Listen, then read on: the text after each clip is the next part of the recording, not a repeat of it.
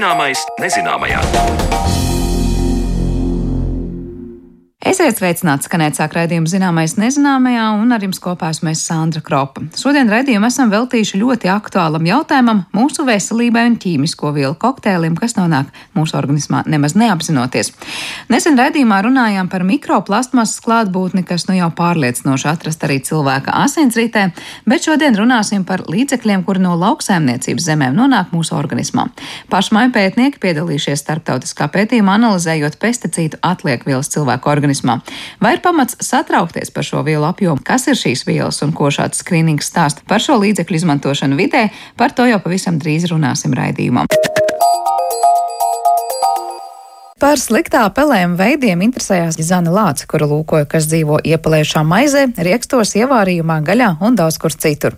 Kā veidojas šīs pelējuma sēnes, vai tās var atpazīt un ko tās nodara organismam, par to visu tātad stāst turpmākajās minūtēs. Līdz šim ir zināmi vairāki tūkstoši pelējumu sēņu sugu. Tās mitinās mums apkārt kopš dzīvās dabas pirmsākumiem. Un lielais vairums no šīm pelējuma sēnēm ir nekaitīgas, derīgas un labas. Bet šoreiz palūkosim uz tiem tumšajiem zirdziņiem, kas mēdz slēpties pārtiks produktos un pat maskēties tajos un nodara sliktu mūsu organismam. Kurš pelējums ir bīstamāks - melns, zils vai zaļš, un kā tas dzīvo produktos, par to stāsta mikrobioloģe, pārtikas drošības, dzīvnieku veselības un vides zinātniskā institūta bioor direktora vietniece laboratorijas jautājumos Olga Valciņa.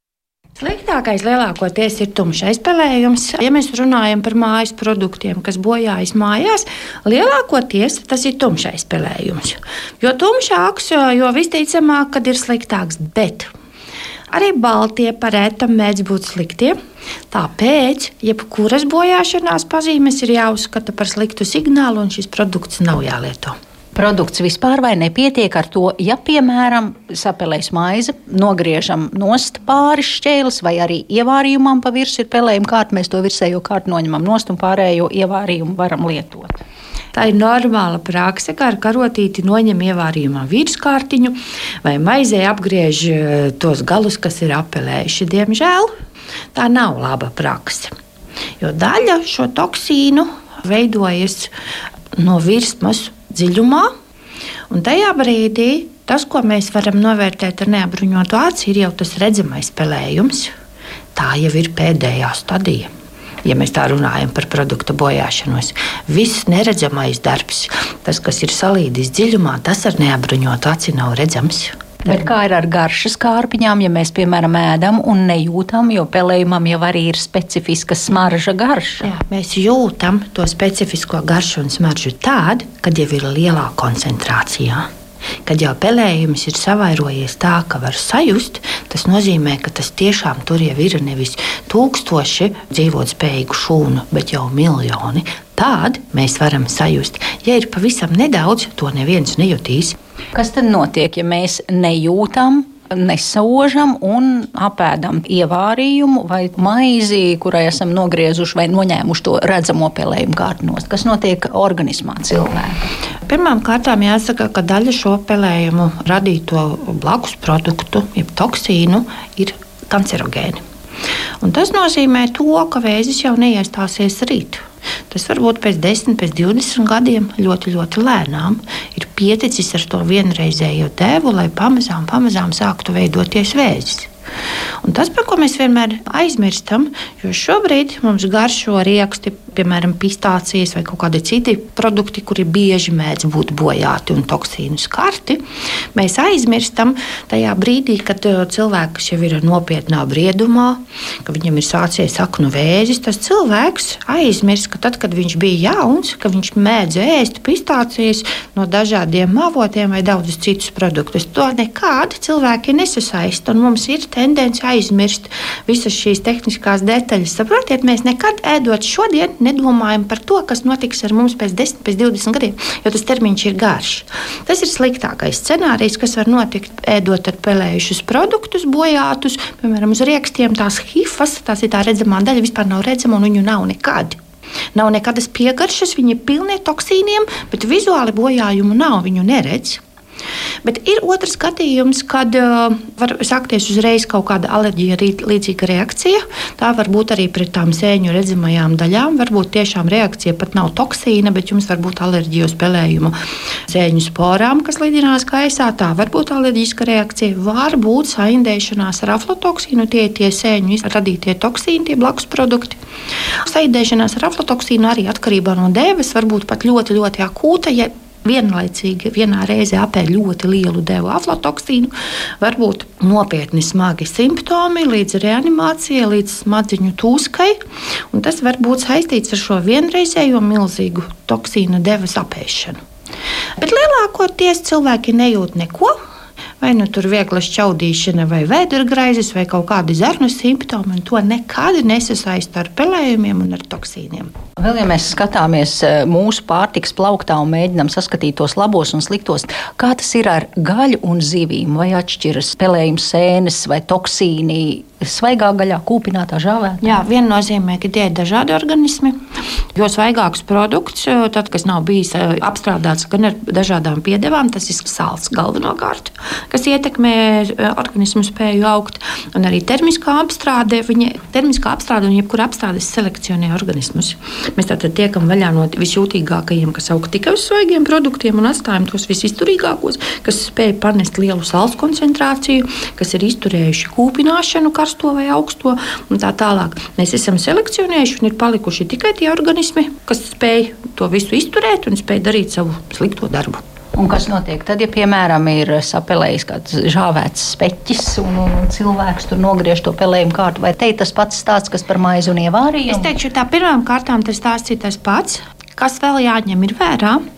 Mēs ļoti, ļoti maz zinām uz doto brīdi par mikroorganismu toksīniem tā daļiņa, to toksīnu daļa, kuriem šobrīd ir zināms vārds, uzvārds un viņu toksicitāte, ir mazāka nekā tas, ko mēs nezinām. Katru dienu tiek atklāti vairāki jauni savienojumi, tiek izstrādātas metodes šo jauno savienojumu identifikācijai. Un mēs šobrīd, ja runājam par 19. gada nogali, mēs runājam par savienojumiem, par kuriem vēl pirms desmit gadiem neviens nezināja. Un es domāju, ka pēc desmit gadiem būs tieši tāpat, būs atklātas atkal jaunas vielas, par kurām agrāk nerunāja, par kuru risku neviens nevērtēja. Tagad mēs runājam, un nākotnē būs atkal jauni riski, jauni savienojumi, par kuriem būs kaut kādas jaunas cīņas metodas. Olga Valciņa bilst, ka krist panikā tagad nav vērts. Vienkārši mums pašiem, pērkot veikalā vai tirgū riekstus vai putrājumus, ir rūpīgi jāskatās, kāds ir to iepakojums un derīguma termiņš, cik mitras vai sausas ir telpas, kurā tiek glabāti šie produkti. Pašiem ir jābūt uzmanīgiem.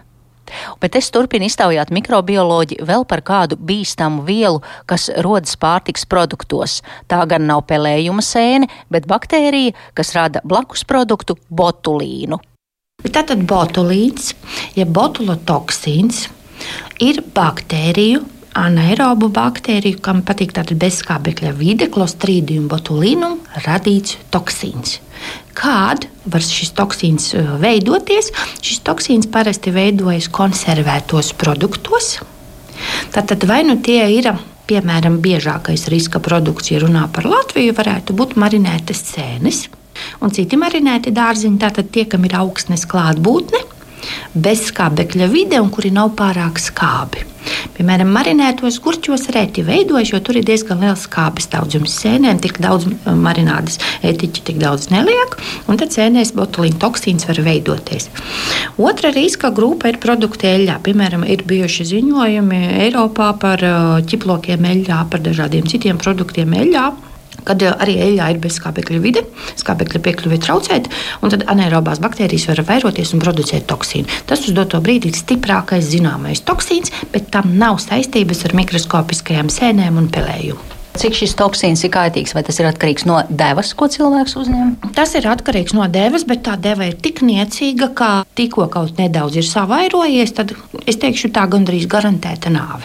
Neko daudz tur nevar darīt. Pretindes šobrīd nav un var simptomātiski mēģināt izvilkt šo cilvēku. Lielākoties tas mēdz izdoties, bet tas toksīns ir ļoti, ļoti bīstams. Kā šo toksīnu var atpazīt, piemēram, atkorķējot vaļā marinētu sēņu?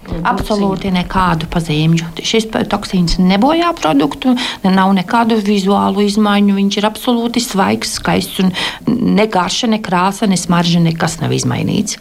Tā tad atkal kārtējais bīstamais ienaidnieks, kas var slēpties nepareizi apstrādātos vai nepareizi turētos produktos. Bet turpinājumā Olga Valciņa stāsta par pelējumu sēņu veidošanos. Lielākā daļa no dabas ņemtiem produktiem, tie būtu graudi, tie būtu garšvielas vai kaut kādi augi. Uz visiem šiem produktiem, augiem jau brīvā dabā, atsevišķas pelējumu sporas ir. Jautājums ir, vai mūsu apstrādes veids un uzglabāšanas veids nodrošina, ka šīm sēnēm nav iespējams vairoties. Jo ne jau vienkārši eksistējot uz produktu arī anabiozes vai sporu veidā, toksīns jau neveidojas. Toksīns veidojas tad, kad mēs ļaujam šim organismam vairoties. Ja mēs nodrošinām atbilstošu mitrumu un temperatūru. Tas ir pirmais. Tātad, kuri produkti visbiežāk mēdz spēlēt? Tā ka var savairoties toksīni, jo tie produkti, kuri ātri sapelē, piemēram, dārzeņi, jūs vizuāli redzat, viņš jau būs tik sabojāts, ka jūs viņu nēdīsiet. Tātad dārzeņi nav riska grupa. Lielākoties šie ir sausie produkti. Tā ir maize, tie ir rieksti, visādi putraimi. Šajos produktos var veidoties mikotoksīni, jo sēnes dabīgi ir uz šiem produktiem nelielā daudzumā, gandrīz uz pilnīgi visiem. To nevar izslēgt. Plus arī apkārtējā vidē mēdz lidināties atsevišķas sēņu spores, kas nav nekas briesmīgs un nav nekas slikts. Viņas tur vienkārši ir, to mums jārēķinās. Bet, tā, tās nokļūst uz produktu, kurš tiek glabāts neatbilstošos apstākļos, piemēram, pārāk mitra un silta telpa, tad mēs esam devuši iespēju šai sēnei vairoties. Faktiski var uzskatīt, ka mikotoksīni ir cilvēku pašu vainas dēļ radīs risks. Lai izvairītos no visiem iepriekš minētajiem bubuļiem, nosauktos pārtiks produktus ir jāglabā vēsās un sausās vietās. Ja maizi ir paredzēts turēt ilgāk nekā pāris dienas, tad labs veids, kur to uzglabāt, ir saldētava. Tā arī pasargā no bojāšanās citus pārtiks produktus. Tātad te jāatceras senais teiciens: sargi sevi pats, un tad Dievs tevi sargās. Raidījuma turpmākajās minūtēs pievēršamies pesticīdiem un tam, vai šo līdzekļu pēdas tik tiešām ir atrodams cilvēka organismā. Glifosāts, dusts, šie ir tikai daži no tautā zināmiem līdzekļiem, kurus reiz esam lietojuši vai lietojam mūsdienās lauksēmniecībā. Visai bieži dzirdam runājam par pesticīdu ietekmi uz vidi, taču ne mazāku satraukumu ik pa laikam dzirdam arī kontekstā ar cilvēka veselību.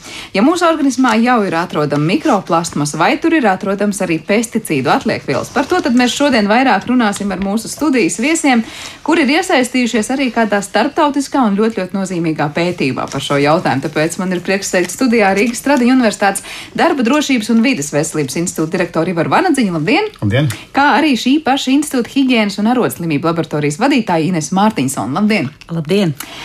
Eh, nu, ko mēs ilgi esam gaidījuši, ka jums ir pētījums, par kuru kādu dienu jūs varēsiet pastāstīt. Es nezinu, vai visi rezultāti jau ir, vai ir tikai tādas pirmās apjausmas, bet uh, pastāstiet, ko jūs īsti pētījāt, jo nu, meklēt uh, konkrētu pesticīdu atliekvielas cilvēku organismā ir pietiekoši tāds nu, satraucošs temats, par kuru interesēties. Ivar. Nu, ja es varbūt sākšu, sākšu tādu lielo bildi, un Ines būs tā, kas runās par detaļām, jo viņi viņas vislabāk zina, bet tā lielā bilde ir tiešām tāda, ka, nu, faktiski tikko var teikt, ka ir noslēdzies juridiski un formāli formāli, bet nu, dzīvē, protams, ka turpinās vēl darbs pie tās analīzes. Tās ļoti, ļoti liels, nu, četrus, gandrīz piecus gadus ilgs projekts ar nosaukumu Eiropas biomonitoringa projekts, un tā īsumā runājot. Ja, un, un starp daudzām lietām, kas tur tika pētīts, bija arī tādi, tādi sīkāki projekti. Viens no tiem bija tieši paskatīties uz šīm pesticīdu atliekvielām Nu, tad, tad vairākās Eiropas valstīs, ko mēs arī esam beidzot izdarījuši, esam arī ilgi solījuši, ka to ir būs rezultāti. Bet es domāju, ka mēs šīs sarunas tā kā nonāksim pie tās atbildes, kāpēc tas tik ilgi bija jāgaida. Un kāpēc arī tagad šī saruna ir tāda pirmā, pirmā saruna par to, jo tur faktiski ir tās nu, pamatīgs detektīva darbs. Šķietināt vaļā, kas tad katrs no viņiem ir un ko nozīmē daudz vai maz. Jā, jo tas faktiski tās lietas ir relatīvas, un mēs tiešām runājam par īstenībā ļoti mikroskopiskiem daudzumiem. Ja, tad atliek vielas ir gluži labs apzīmējums tam, ka tas nav tā kā, teiksim, nu, asins analīzē, jau lielie rādītāji, ko mēs tur redzam, tur kaut kāda kalcija, kālija vai kaut kas tamlīdzīgs. Ja, šeit mēs runājam par ļoti, ļoti, ļoti nelielām koncentrācijām, līdz ar to ir ārkārtīgi grūti tehniski viņas pētīt. Ja, pirmie secinājumi, kādā ziņā jau sāk veidoties.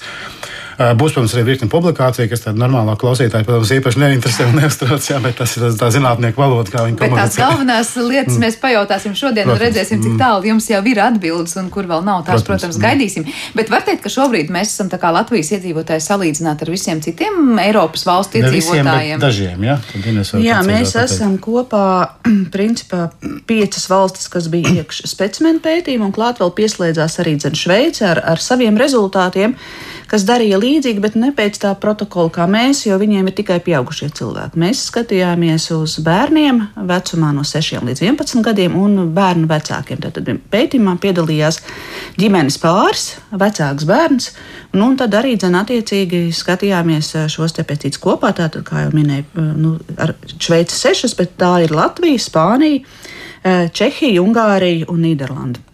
Tā kā vismaz šo valstu kontekstā mēs varam redzēt, nu, kur mēs atrodamies. Jā, šo pavisam noteikti. Jā, Tad, kas būtu interesanti piebilst, ka tas ne tikai mērījumi, tātad, kas tur tajās asinīs ir, bet urīnos, urīnos, jā, bet arī tas, kā, kādi ir tie dzīvesveidi paradumi, kur, ko viņi ēd, kur viņi to pērk un tam līdzīgi. Ja, kur viņi dzīvo galu galā, to mēs diezgan sīki arī paralēli pētījām, lai, jo tas ir viss kontekstā jāskatās. Jā, bet no, es domāju par pesticīdiem mums ik viens Latvijas iedzīvotājs varētu būt interesēts uzzināt, nu, kas tad manī mm. ir vai nav, vienalga vai es dzīvoju pilsētā vai laukos. Jūsu gadījumā jā, jūs mums, pētījāt lauku vai daudz zvanīja no tiem, ko mēs apmērījām un interesējās, kad tad būs. Tagad, protams, ka interesē. Jā, protams, tas ir vēl trakāk asins analīzes rezultāts nu, gaidīt, vai ne? Laikam jā. Eh, bet eh, mm. kurus, eh, nezinu, šos te ģimeņu cilvēkus jūs pētījāt noteiktos reģionos vai noteiktās jā, vietās? mēs uh, ņēmām. Um, Mums ir principā pārsvarā no diviem Latvijas reģioniem. Tātad Kurzeme un Zemgale. Ir daži cilvēki vidzemes pusītē arī dzird, bet kāpēc kurzem un zemgala? Tāpēc, ka sākotnējā iecerē vispār bija par augļu kokiem. Par to, cik daudz izmanto augļu koku, apstrādē pesticīdus un, un cik lielā mērā tie ietekmē cilvēkus. Un, un, bet tad mēs nonācām pie tam, ka Latvijā nu, nav tik, mēs nevaram salasīt populāciju pretī šiem augļu dārziem, tādu kā mums vajag. Līdz ar to tad, uh, Latvija par cik tāpatās ir ļoti, ļoti izteikti lauksaimniecības zemes. Uh, tad mums ir šie te, nu, graudaudzētāji un, un, un rapšaudzētāji. Arī, protams, ir par kādam abeļdārzam. Mums ir lauksaimniecības zemes. Un cilvēki ir, uh, nu, principā nosacījumā arī dzen, bija tātad cilvēki, kas dzīvo tieši lauku tuvumā. 50 ģimenes, ja, un cilvēki, kas dzīvo vismaz 250 metru attālumā no šīs te lauksaimniecības apstrādājuma tuvākā lauka. Tātad tie parasti bija tādi nu, ciematu. Mm. Ja, tur, kur riņķi apkārt nav laukos dzīvojuši vai, vai meža ielūkās dzīvojuši, tur, kur nenotiek aktīva lauksaimnieciskā darbība. Tātad 50 ģimenes katrā no 50, no 50 ģimenes katrā no grupām, un arī dzen, tas nebija vienreizējs pasākums. Mēs to darbiņu darījām divās sezonās, lai būtu, mēs varētu salīdzināt atšķirības. Bija mums, tātad, tad, kad ir kontrols grupa un eksponētā grupa brīdī, tad, kad strādā lauku darbus, tad, kad traktors brauc pa lauku un tad, kad notiek miglošanas darbi. Un bija vēl otrs posms, kad bija klusās periods, ziemas periods, kā nestrādā lauka. Mm, Lauk, lauk, lauksaimnieks. No ārpuses pēc, no lauka pesticīdiem nebūtu jānāk. Jā, no lauka nenāk pesticīdi, bet mm. paskatieties, kas notiek tajā brīdī, kad, kad nu, lauksaimnieciskā darbība izslē, tiek izslēgta. Ko jūs ieraudzījāt? Nu, ko mēs ieraudzījām? Mēs mm. tātad, ja sāksim ar to, kad, ko nozīmē skrīnings. Laikam ar to būtu jāsāk. Uh, skrīnings tas nozīmē, ka mēs vienkārši auditējam tās vai, vai novērtējam vai, vai cenšamies noķert tās ķīmiskās vielas, kas atrodamas cilvēku urīnā. Uh, mēs nerunājam par koncentrāciju, mēs runājam par vielu skaitu, kuras mēs spējam. Vispār atrast. ir vai vispār nav? Jā, ir vai nav. Mm. Un tad mēs uh, dotajā brīdī varam runāt par to, cik procentos no tiem cilvēkiem, kuri piedalījās mūsu pētījumā, mēs šo vielu vai šo vielu atradām vai vispār neieraudzījām. Varbūt uh, aizsēdoties priekšā tam, tam jautājumam, ko, ko Sandra uzdevot, ir kāpēc tā? Tāpēc, ka faktiski virknē no viņu jau īstenībā nav tādu normu. Ja mēs, tiem, nu, mēs esam pieraduši, kā aizjām pie tā ģimenes ārsta, viņš pasaka, vai, vairāk vai mazāk kā vajag. Ja? Šeit ir daudzos gadījumos, ir, nu, fakts kā tāds ir vai nav ir būtisks, un, un tad var runāt, ok, vairāk vai mazāk, bet viņām vārmām nav tāda normējuma, ka teiksim, nedrīkstētu būt vairāk vai mazāk, jo mēs jau nezinām par daudz ko no viņiem. Bet nu, mēs sagaidītu, protams, ideālā variantā, ka nav vispār tur to konkrēto, gadījumā ja? būtu, un tas ir tas, ko investēs nākamais, ka mēs varam skatīt sevi salīdzināt ar to, cik mums daudziem ir kaut kas, jā, un tad cik daudz procentu.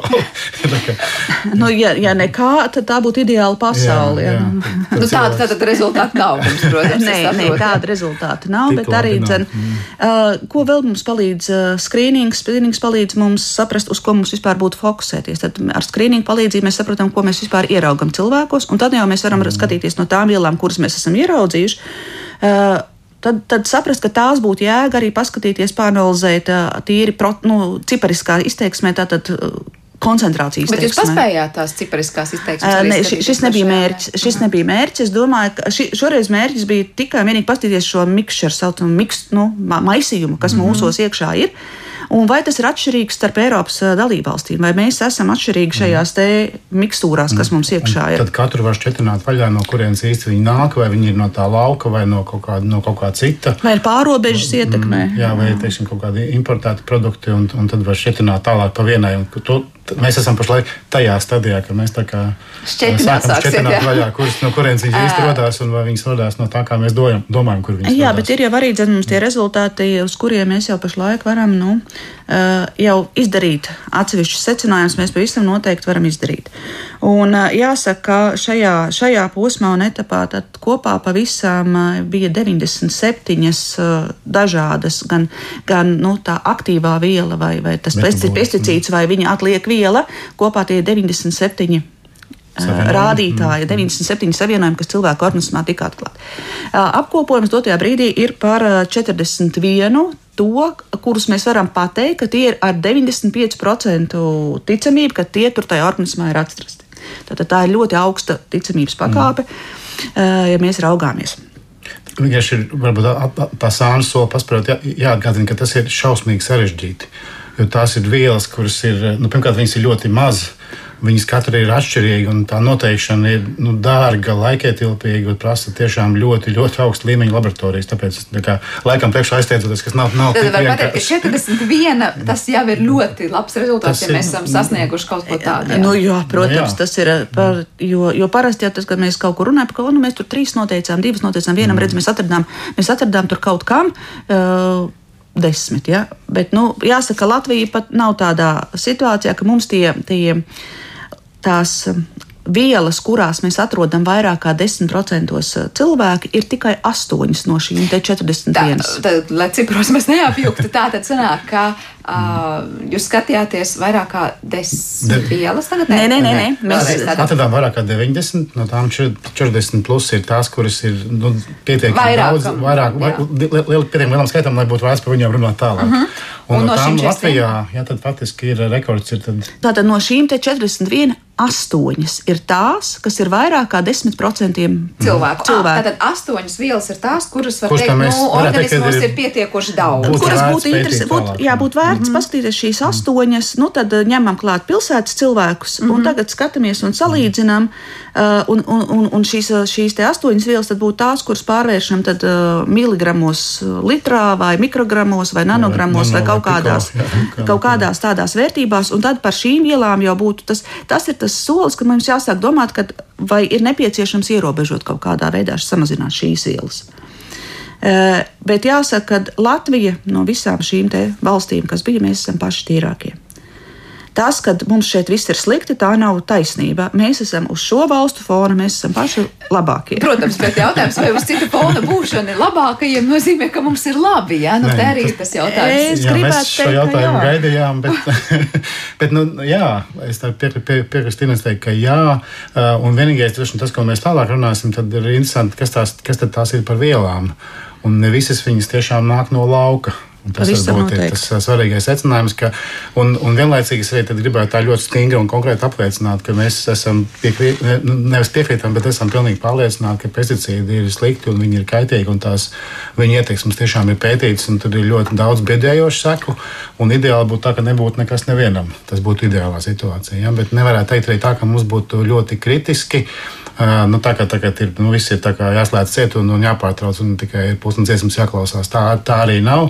Restīvi ir ierobežojumiem ir jābūt, jā, saprātīgai lietošanai ir jābūt, jā, tad, tad, tad kontrolē ir jābūt. Par to nu, nav ne mazāko šaubu nevienam, kas mēs šeit studijā sēžam. Jā, kā, vienkārši uz tā kopējā fona šis ir tāds pirmais tāds sistēmiskais, nu, teikt, pētījums, ka mēs varam pateikt, ka nav tik ļauni, jā, kā varbūt nu, mēs parasti runājam. Pirmo reizi mēs redzam konkrētos skaitļos, nevis sajūtās. Nevis sajūtās, ka mums liekas, jā, bet mēs redzam arī teiksim, nu, zinātniski korektā veidā ar labām references laboratorijām, ja, kur tiešām var ticēt tam rezultātam, mēs redzam to kaut kādu īsten, īstenību.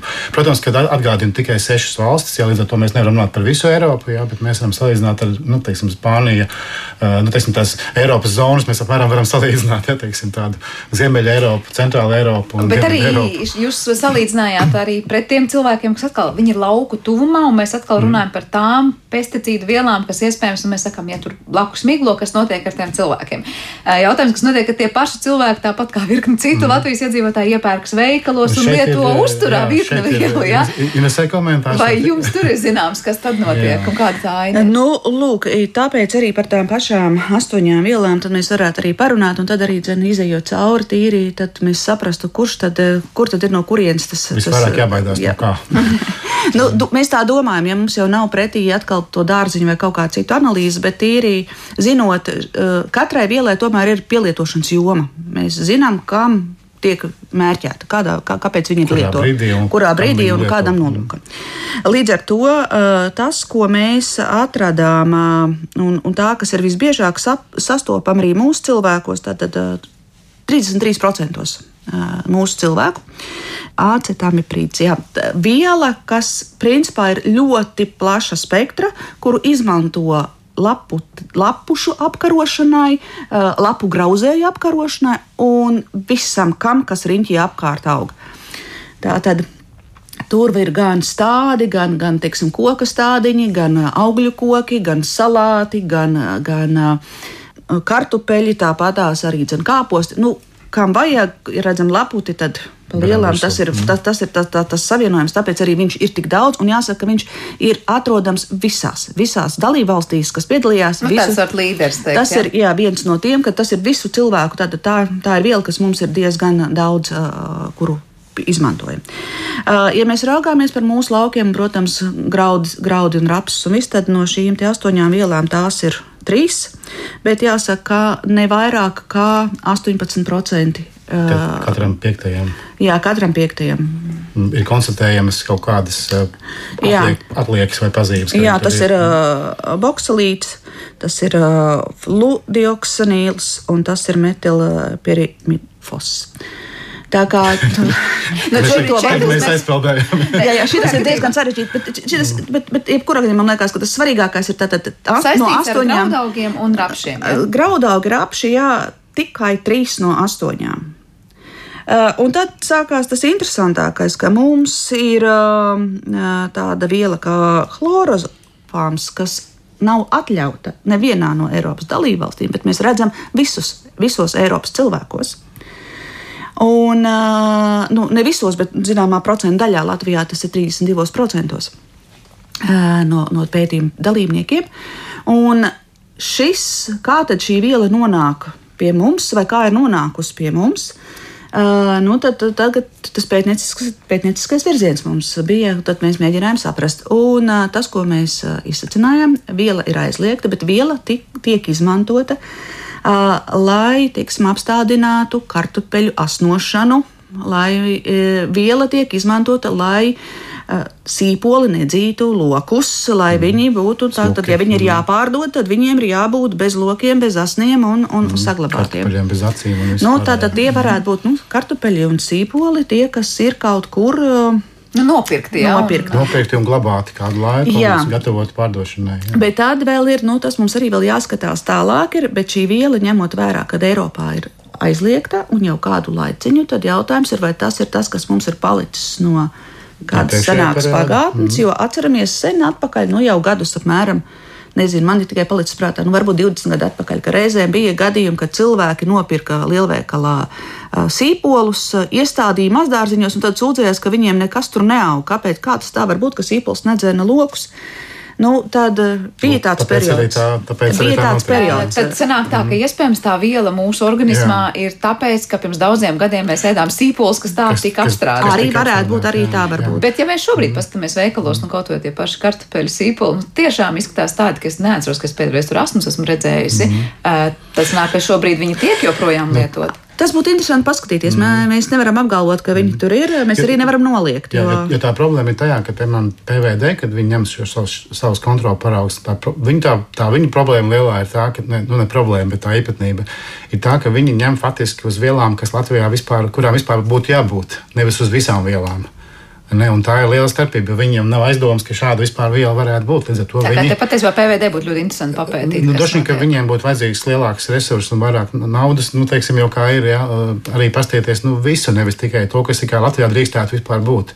Jo, jo sanāk tā, ka mēs nepārbaudām to, kas nedrīkstētu būt. Tā, ne, tas, ir tas, tas ir tas absurds tajā stāstā. Līdz ar to mēs nevaram pateikt, vai tas nāk no tiem 20 gadiem, vai tas nāk varbūt no kaut kāda puslegāla, nelegāla, kaut kā tam līdzīga. To mēs īsti pateikt faktiski līdz galam nevaram. Ne, nē, nē zini, kā ir tā, ka tie 20 gadi tomēr tie, tie varētu būt kā viens, bet arī ja tā kā mēs to redzam mūsu bērnos, tātad 6 līdz 11 gadīgajiem arī ir tas pats. Jā. Mm. Tātad tas nozīmē, ka no kurienes, jā, jā, tas iespējams ir arī dzen, pārtika, kuru nezinu no kurienes kaut kur var būt, jo stāsts ir par Eiropu, aizliegums ir Eiropā nav aizliegums ārpus. Varbūt vēsti no Čīles vai no, no, no, nezinu, no Peru vai no kaut kurienes, ja tie smukie, smukie foršie. Un, un, mēs arī augļus dārziņus, mēs jau daudz ko pērkam ārpus Eiropas arī.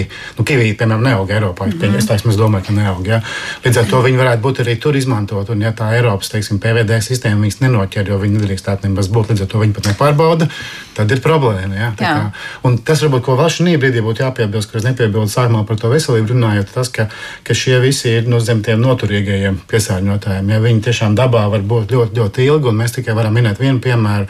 Mums bija projekts par sapropeļu izmantošanu, iegūšanu, un, un arī tur Mēs arī ilgi mēģinājām saprast, kādus izmantoja pesticīdus 50. un 60. gados, bet viņu atliekas bija arī sapropelēji, kas tad ir metru zem dūņu virskārtas. Ja, tad, tad tas ir ļoti ilgspēlējoša lieta. Tāpēc par to bīstamību veselībai šaubu nav. Ja, mēs arī esam ļoti nobežījušies. Vienkārši aicinām izvērtēt uh, līdz galam to procesu. Tikai jā. jāpiebilst par tām koncentrācijām. Jā, Tās protams, koncentrācijas ir, mazas, ir ārkārtīgi mm. mazas. Tās mm. mēs runājam par zīmēm, mēs runājam par ārkārtīgi mazām. Mm. Tas, tas nenozīmē, ka ārprāts, ārprāts viss ir slikti. Jā, bet tās ir tendences, kuras būtu vērts pievērst uzmanību. Jo jā. no vienas puses, ja tai vielai nav jābūt nu, nemaz, piemēram, jā, tad jautājums, no kurienes tā rodas un kur jā, tāpēc es neteiktu, ja tas būtu vajadzīgs, un tas ir pašlaik arī šī projekta, tas gala, gala rezultāts, ka katrai viņai tad ir jāšķitina vaļā kur īsti viņi radās, kur viņi varētu būt, no, nu, kāpēc viņi varētu būt nonākuši tajā ķēdē. Jā. Jo patiesībā Eiropā audzētiem kartupeļiem vai sīpoliem mm. nevajadzētu, nevajadzētu būt apstrādātiem ar to. Jā. Un, jā, kas vēl? Mēs nosaucām, sanāk, piecas vielas šobrīd. Jā, un, un tad vēl ir divas, jā, ir, ir divas, kas nāk visam noteikti. Viņu ceļš nāk no dienvidu zemēm. Tad uh, ir imazolīts, kas ir citrusiem, un, un šī viela ir redzama, ga, uh, tur arī ļoti interesanti sanāk, šī viela ir redzama spāņu cilvēkos, un šī viela ir redzama Latvijas cilvēkos. Tas nozīmē mandarīni. no citrusauga. Citrusauga, mm. mandarīna tā skaitā. Tā, tā, tas ir tas, bet kā citām mēs... valstīm, tur taču arī pieņem ēdu arī. Jā, bet iespējams, ka tas ir kāds reģions, kurā izmanto, un, un tas ir tas, mm. tas, kas bija tas interesants, ka šo, šī viela tikai un vienīgi bija Spānijas un Latvijas cilvēkos. Mm. Es tevi, piemēram, šveiciešu apelsīns importē no citurienes. jā, jā, detektīvam darbs, tātad citrusaugļi arī, bet izskatās tieši Spānijas citrusaugļos. Nu, nu, tas, ir, tas ir tas, kas saistība. Iespējams, ka viņi aiziet vēl uz citām valstīm, bet nu nebija, nu, nebija tā, tā valsts nav šī te pētījuma. Mm. Nu, tad ir vīnogām arī dzen, pirmetamils, kas ir vīnogas. Un, un, un, bet jāsaka, ka gan attiecībā par citrusaugiem izmantoto pesticīdu, gan vīnoga stādījumos izmantoto pesticīdu, tas ir konstatēts katram desmitajam. Ja? Tātad, mm. nu, tas, tas ir nav daudz. Katram desmitajam no mūsu cilvēkiem. Te ir atgādināt, ka mēs jau sākumā runājam, ka tā biežākā ir katram trešajam no jā, šīm jā, astoņām. Biež, biežākajām, visbiežākā arī tikai katram trešajam. Tā kā, nu, nav, nu, nav tā, ka nav, nav tik... katram. Jā, jā, jā, jā, jā tas ir. Uh, ar ko jūs skaidrojat, ka tur katram trešajam, katram piektam tas, cik ļoti nu, dzīvesveids, es nezinu, pārtikā vairāk ēd vīnogas un citrus augļus, mm. vai tā ir kaut kāda, nezinu, organismu uzņēmība, vai es nezinu, vēlme sevi pasargāt un spēja mm. sevi pasargāt. Tas, ko mēs redzējām, arī tā kā, kā runājām, mēs jau prasījām cilvēkiem arī par viņu paradumiem, par to, ko viņi ēd, kā viņi ēd, kā viņi iegūst pārtiku. Un jāsaka, Latvija viennozīmīgi ir tā valsts, kurā visās sezonās lauku cilvēki patērē pašaudzēto. Krietni vairāk patērē pašaudzēto nekā vidējais Eiropietis. Mm. Un, un tas ir tas mūsu ķermeņa tīrības ir laikam atslēga, ka mēs mm. ļoti daudz ko tomēr darām paši, vai, vai zinām, no kurienes mēs to paņemam. Mm. Ja? Un Tāpēc apēdam. esam starp tām sešām valstīm nu, tīrākie. Tā, ja tādu vārdu vispār lietot šeit, ja. tāpēc, ka joprojām vismaz pēc tiem uztura, uztura, uztura tiem datiem, ko cilvēki paši ir snieguši, kas, kā, protams, ir nu, jā, jāvērtē, cik ticami, bet nu, droši vien, ka apmēram ir ticami. Jā, tad tiešām mēs maz, mazāk uzņemam, kas ir laba ziņa. Tā ir laba ziņa. Un tad varbūt, kad Covid ietekmē, tagad, kad daudz tomēr atgriezās pie mazdārziņiem, jā, mm. ka varbūt šo lietu turpināt un nemest linta kromos, jo tas ir tikai paša labi. Jā, mēs sas, sastopamies ar to, ko parasti sakam arī tur klimata, varbūt kontekstā, ka cik tas ir labi, varbūt patērēt tuvāk savām pārtiks mm. ķēdēm to, kas ir uzaudzēts, un ja vēl jau vairāk, nezinu, savā mazdārziņā vai, vai kādā bioloģiskā saimniecībā, tad, protams. Vienīgi, vienīgi šeit tā kā būtu vērts pieminēt to, ko jau pieminējām par to izglītību, informāciju informēšanu un izpratni arī tiem mazdārziņu tiem audzētājiem. Atgādināt, ka tur nevajag ar saujām kaut ko bērt virsū, jā, bet ir jāizvēlas. Arī mazdārziņā var apbērt tā, ka būs. Ka, kad ir rādītāji. četreiz vairāk nekā drīkst, jā, tieši tā. Jā, un jāsaka arī tad, kad mēs cilvēkiem, um, par cilvēkiem vācām informāciju un lūdzām aizpildīt šīs anketas, tad arī tur tika ievākta informācija, vai mazdārziņā lieto kaut ko no pesticīdiem.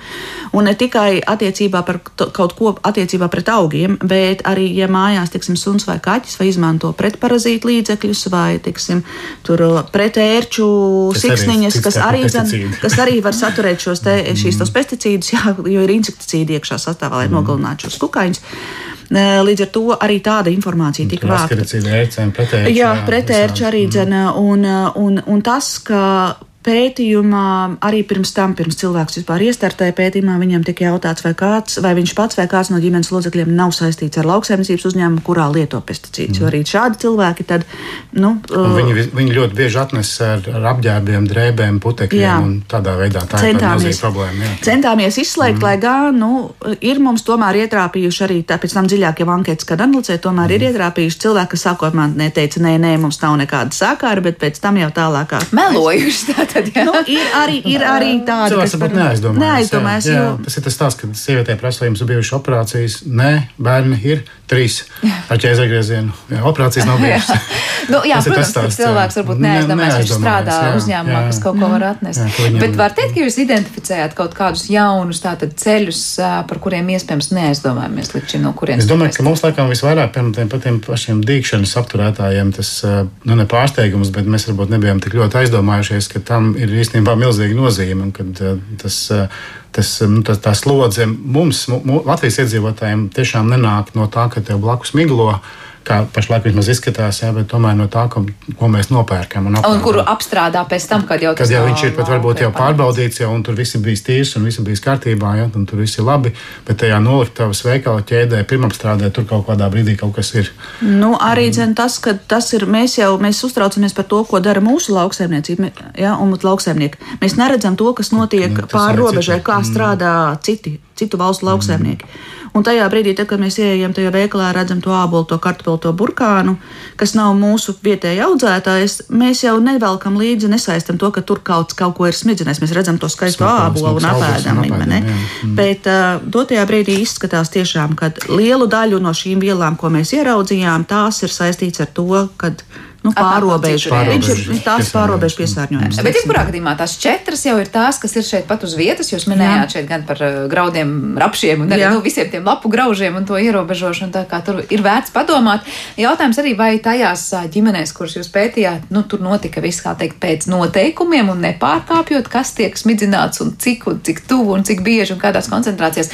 Vai nevar jau izsekot, varbūt Latvijā ir virkne citu saimniecību, kurā tas netiek ievērots, un tad tā aina būtu pilnīgi cita? Protams, ka te ir tikai 50, un, un tas ir jāatcerās. Jā, mēs nevaram pateikt, ka visā Latvijā ir tieši tā. Mēs varam pateikt, ka šī grupa ir pietiekami reprezentatīva, bet viņi nav visu Latviju. Tas, tas ir skaidrs. Jā, bet viņi ir mm. diezgan arī tas tīkls bija diezgan tāds uh, labi izkliedēts. Jā, tas nav tā, ka uh, tiksim, ap Jelgavu visi mm. vienā ciemā. Nē, tas ir sākot no kolkas beidzot ar, ar, ar aknīm. Tā kā kopējā vidējā tā kā vidējā bilde tāda ir un tomēr tās, uh, tī, tās ir, nu, ir atkārtot šie mērījumi arī ņemti. Jā, tas, tās ir divas sezonas, ka mēs varam salīdzināt, tas ir vecāks un bērns kad, kad spējam analizēt. Un tas stāsts jau tādā kopainā un kopīgo rezultātu radīšanai jau katra valsts ir devusi to, lai būtu šie 400 paraugi.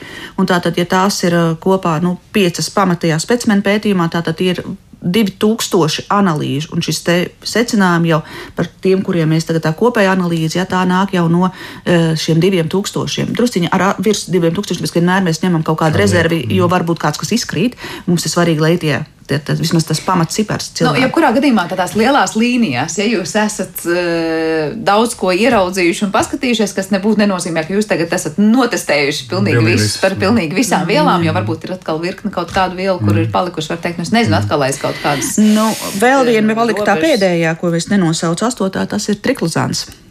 Eh, kas principā nav pesticīds klasiskais, ko kaut kur taisām virsū, bet tas ir antibakteriāls eh, savienojums, kuru kādreiz bija arī diezgan daudz zobu pastās un, un ziepēs, un nu, kā antibakteriāla iedarbība. Tātad tas nozīmē, ka tas ir kaut kur mūsu sadzīvē esošs, vēl joprojām esošs, un tādā veidā mēs iek, esam pakļauti. Un arī triklozāns ir viena no tām vielām, kas ir eh, visos Eiropas cilvēkos. Nu, restīvi, vis, nevis visos Eiropas cilvēkos, bet, bet visās Eiropas valstīs. Jā, pietiekami lielā skaitā parauga. Jā, jā pietiekami mm. lielā skaitā parauga. Tā. Var teikt, tas kaut kas, ar ko mēs varbūt kaut ko nomazgājam, pirms à, mēs lietojam, nu, vai kaut kas, tas nezinu. Jā, tas... nu tas ir varbūt kādās antibakteriālās ziepēs iekšā. Mm. Kādreiz bija zubu pastāsts, tur tagad ir tā kā mazināts, jā, tā kā tas ir, nu, mūsu sadzīve. Vai teikt, atkal virkni, kur meklēt tālāk un dzīve pēdas tam visam, darbs, jā. Katrs no šiem tad ir jāšķitina, kur vispār viņš, kurās ķēdēs viņš parādās. Un tad var saprast, ko vajag vai nevajag regulēt, vai informēt, vai un tālāk pētīt, visticamāk, vai ne? Jā, jā nu mums, diemžēl, ir jāliek punkts sarunai, bet pavisam īsi es nevaru neuzdot jautājumu, kas ir zināms par konkrētu šo atrasto vielu tālāko ceļu organismā. Mēs varam teikt, tās ir tādas, kas nu, tur nodara vairāk kaitējumu. Es nezinu, tur reproduktīvā veselība, es nezinu, endokrīnās ir asinsvadi vai, vai mums ir ir nu, ziņas par īsa to. Īsa atbilde ir viss. Nē, mēs, nu, katra no viņām ir nevelti, viņi ir aizliegti vai ierobežoti dēļ tām ietekmēm, bet nu, būtībā tas top 5, manuprāt, gan līdz viss arī nosaucts, ja, tātad gan kancerogēni, gan reproduktīvai veselībai, gan, gan teiksim, dažs labs vēl tur mutagēns vai kaut kas līdzīgs, kaut kas no tās, no tās ietekmes. Ja, tā kā viņi visi nav veselīgi, un mēs tikai vēl, vēlreiz gribam apstiprināt, ka tas pesticīdi ir bīstami, ja, un šauba nav, ka tur jāskatās tālāk un ir jābūt visam tam pilnajam, nu, tomēr kontrolas ciklam, ja, no līdz, un ne tikai varbūt uz lauku un laukā, bet arī varbūt pēc tam pēcapstrādē veikalā, ja, un noliktavā un tam līdzīgi. Tur ir jābūt. Jā, vienīgais, ko es vēl nu, gribētu piebilst, ka tagad, nu, ja mēs saņemam rezultātus un mēs, mēs ieraugām mūsu organismā šādu un šādu šāda viela, tas nenozīmē, ka uzreiz man ir jāsatraucās. Tas arī mm. ir mhm. mūsu sabiedrībā ļoti nepareizs viedoklis, kad ierauga, oi, ir pazūd pazūd tā dimensija par koncentrāciju.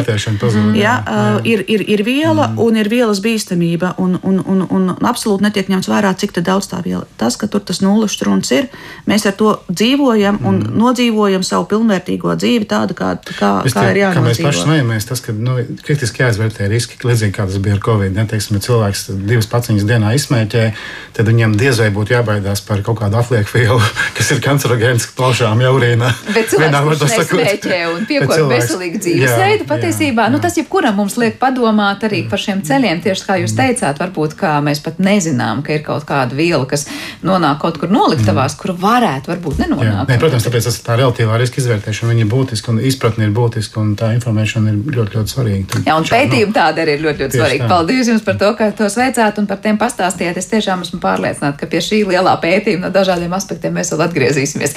Bet šajā reizē es atgādināšu, ka pie mums viesojas Rīgas Sadaņu Universitātes darba drošības un vidas veselības institūta direktors Ivars Vānadziņš un šī paša institūta higienas un arodslimību laboratorijas vadītāja Ines Mārtiņsona.